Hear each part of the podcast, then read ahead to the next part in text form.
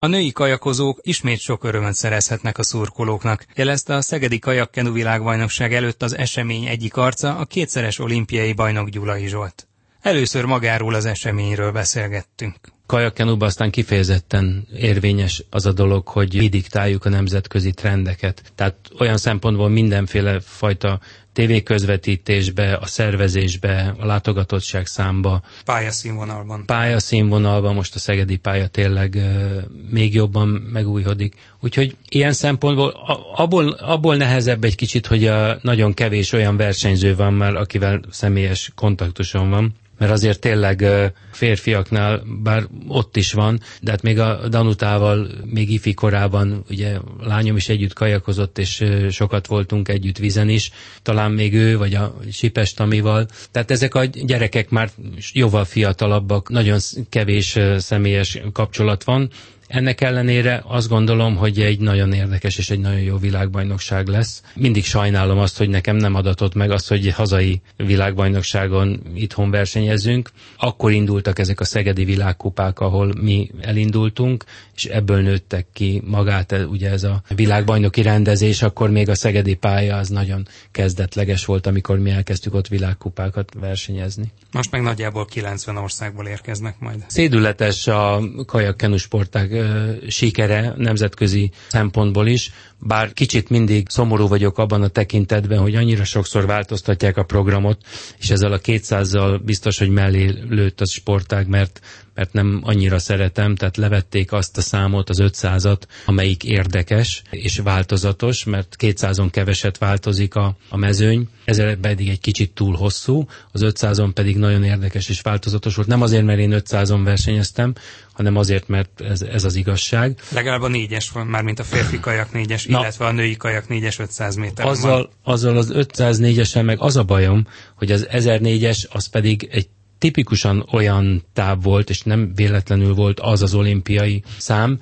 mert ott, ott erőálló képesség, állóképesség, óriási csapat összetartás, az 500 pedig egy nagyon-nagyon kapkodós szám, tehát egy 20 vagy egy 10. Ilyen szempontból más típusú, más jellegű kajakosok azok, akik dominálnak most. Túl sok az izomerő, túl sok a, a rövid táv, túl nagy bicepszek vannak, és e, sajnos ezért is lett szerintem a mi sportágunk ennyire doppingérzékeny. Nyilvánvaló mindig, akik azt mondják, hogy akik nyernek, azokra azt mondják, hogy ezek doppingolnak, vagy ezek tiltott szert használnak. Azért régen az a fajta izomerő, vagy az a fajta robbanékonyság, ami most jellemző a 200 méterekre főleg, azok nem tudtak volna végigevezni ezer métert, azok nem tudták volna végig menni akár a tízezer métert. Tehát más jellegűek voltak az edzések, más jellegűek volt, volt a felkészülés. Ilyen szempontból nyilvánvaló ezek a sprint számok, ezek tényleg dopingérzékenyebbek. Sajnos vannak meggondolatlan esetek. Minden ilyen eset,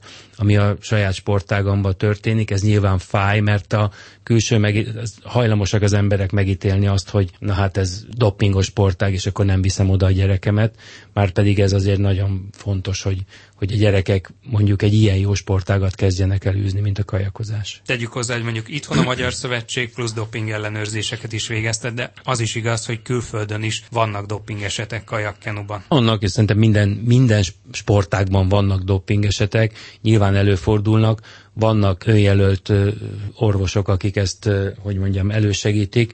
Ez, ez minden sportágnak, minden minden szakágnak ö, ö, probléma, de hát ö, én azt gondolom, hogy tényleg a Kajakkenu Szövetség az élen jár abban a tekintetben, hogy kiszűri ezeket a személyeket vagy embereket, és mindenkit arra neveljen, hogy a munkát azt nem lehet helyettesíteni pirulákkal vagy bármivel. Mennyire nézi egyébként az utódok technikáját, hogyha egy-egy versenyen van, vagy a tévében néz egy-egy kajakkenu versenyt? Nagyon, nagyon, abszolút. De ugye a technika is elég sokat változott. Változott, főleg mondom a rövid távak miatt, de természetesen nagyon szeretem megnézni. Főleg most ugye az 1001-es marad, vagy az 1000 páros marad az, ahol lehet jól elemezgetni, vagy lehet nézni egy-egy versenyző mozgását, kiélvezni azt a versenyt, ami mondjuk egy ezren van, mert 200-on elrajtolnak, aztán befutnak. Nincs nagyon taktika, nincs, nincs akkora felépített taktika, amely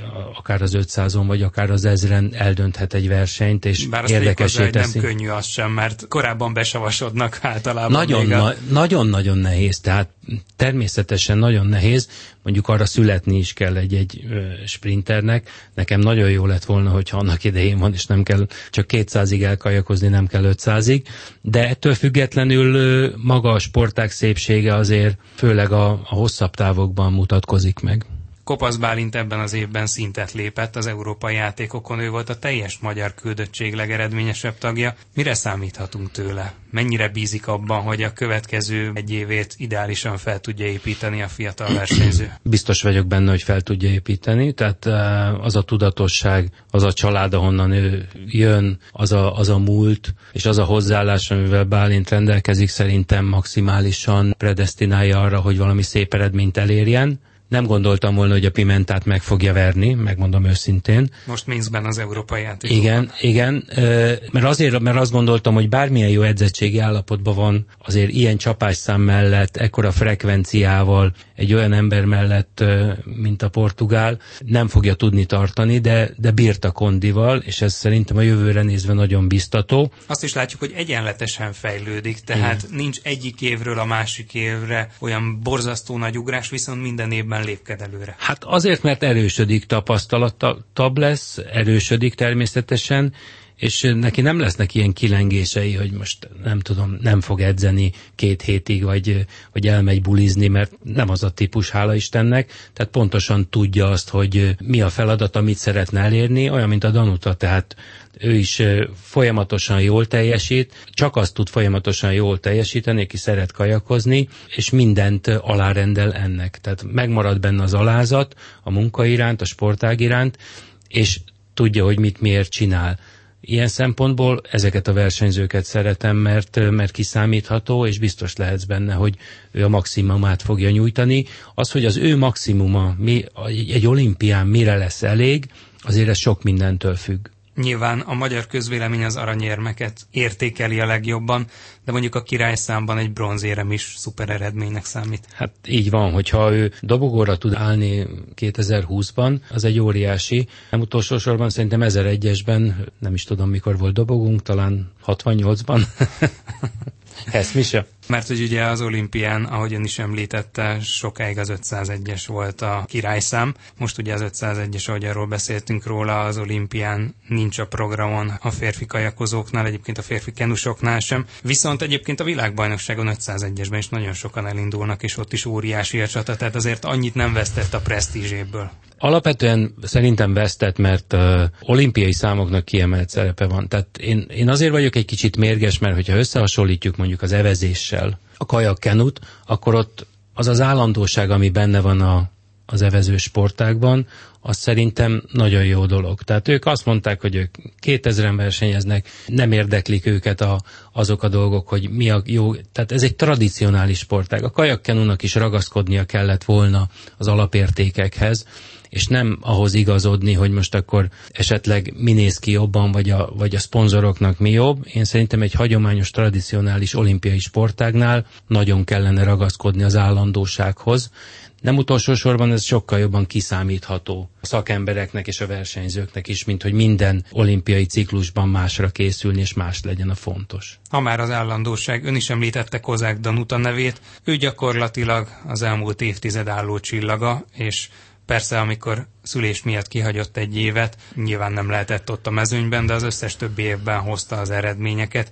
Látjuk bizonyos sportágakban, hogy azért egy idő után elfogy a lendület, és van mondjuk olyan sportág, mint az úszás, ahol van akinél már 25 év felett, de mondjuk 30 év felett szinte mindenkinél fogy a lendület, esik vissza a teljesítmény.